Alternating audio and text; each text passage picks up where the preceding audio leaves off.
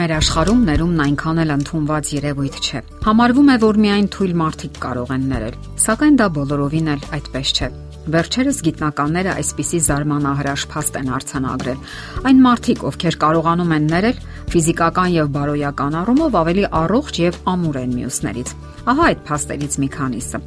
Ստենֆորդի համալսարանի բժշկական կենտրոնի բժիշկ Ֆրեդերիկ Լուսկինը 2000 թվականին իր թիմի հետ ուսումնասիրել է կրոնի եւ սրտային հիվանդությունների միջև գոյություն ունեցող փոխկապակցվածությունը։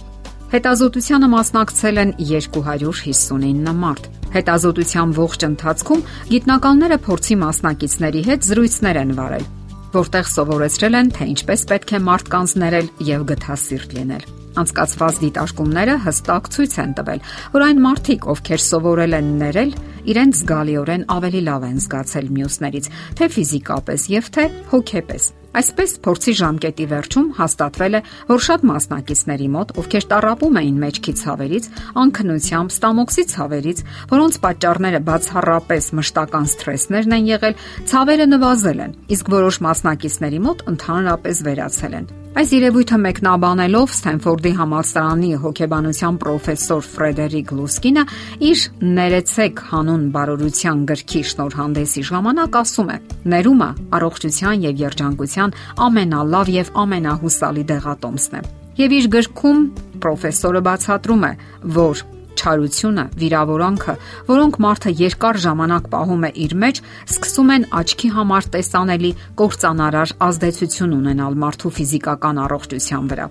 Գիտնականը նաև գրում է. Երկարատև չարացածության եւ բարկության կործանարար վնասը դրսևորվում է այն բանում, որ այդ զգացմունքները շարքից հանում են օրգանիզմի ներսում գտնվող ջերմաչափը։ Եթե դուք սովորեցնում եք ձեզ բարկության զգացմունքին, նույնիսկ ամենափոքր քանակով, ապա դուք արդեն չեք կարող տարբերել, թե ինչն է բնականon եւ ինչը ոչ։ Ագրեսիվ հույզերի հանկարծակի դրսևորման սովորությունը օրգանիզմում ադրենալին է արտադրում եւ ընդ որում այդպիսի մարդը շատ արագ է կախվածություն ձեռք բերում ադրենալինից եւ դառնում է անհավասարակշիռ։ Իսկ ադրենալինը այրում է օրգանիզմը եւ մթագնում, թմրեցնում է բանականությունը, հնարավորություն չտալով մարդուն առողջ եւ սթաբ դատելու, ինչն էլ ավելի է խորացնում մարդու ծանր վիճակը։ Դրանից բացի պրոֆեսոր Լուսկինը ողրել է, որ սթրեսի եւ բարկության պահին օրգանիզմը արտադրում է որոշակի տեսակի ферментներ, որոնք բարձրացնում են արյան ճնշումը եւ խոլեստերինի քանակը արյան մեջ։ Իսկ ահա ճնշման եւ խոլեստերինի հաճախակի տատանումներն ու բարձրացումները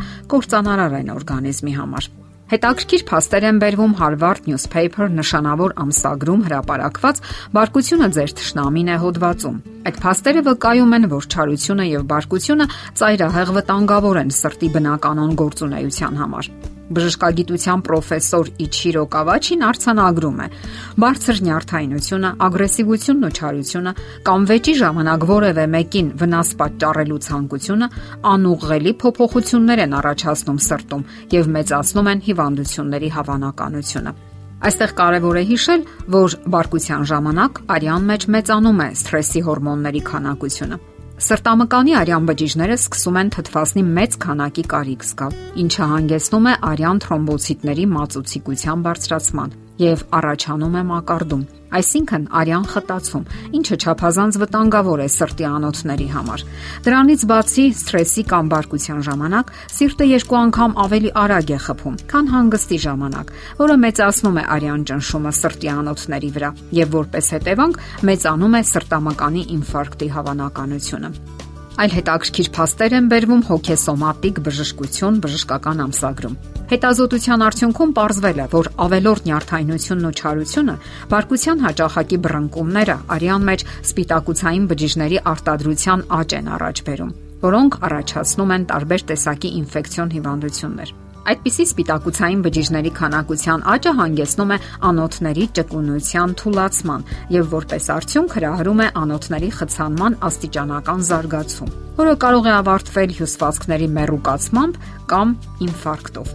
Դյուկե համալսարանի բժշկագիտության պրոֆեսոր Էդուարդ Սոարեսը արձանագրում է որ ինտերլեյկին 6 IL6 սպիտակուցի պարունակության մակարդակը բռնկուն եւ ագրեսիվ բնավորությամբ մարդկանց արյան մեջ բազմաթիվ անգամ գերազանցում է նորման։ Ինտերլեյկին 6-ի բարձր մակարդակն իր հերթին հանգեցնում է նրան, որ սրտի զարկերակի պատերին նստում են ճարպային կուտակումներ,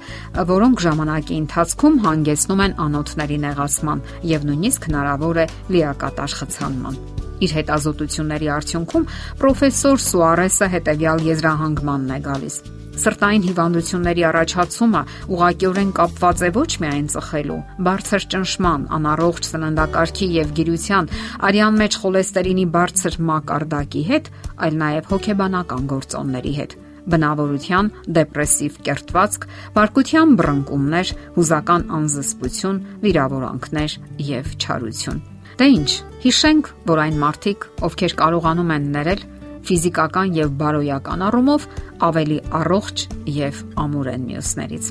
Եթերում է առողջ ապրելակերպ հաղորդաշարը։ Ձեզ հետ է Գեղեցիկ Մարտիրոսյանը։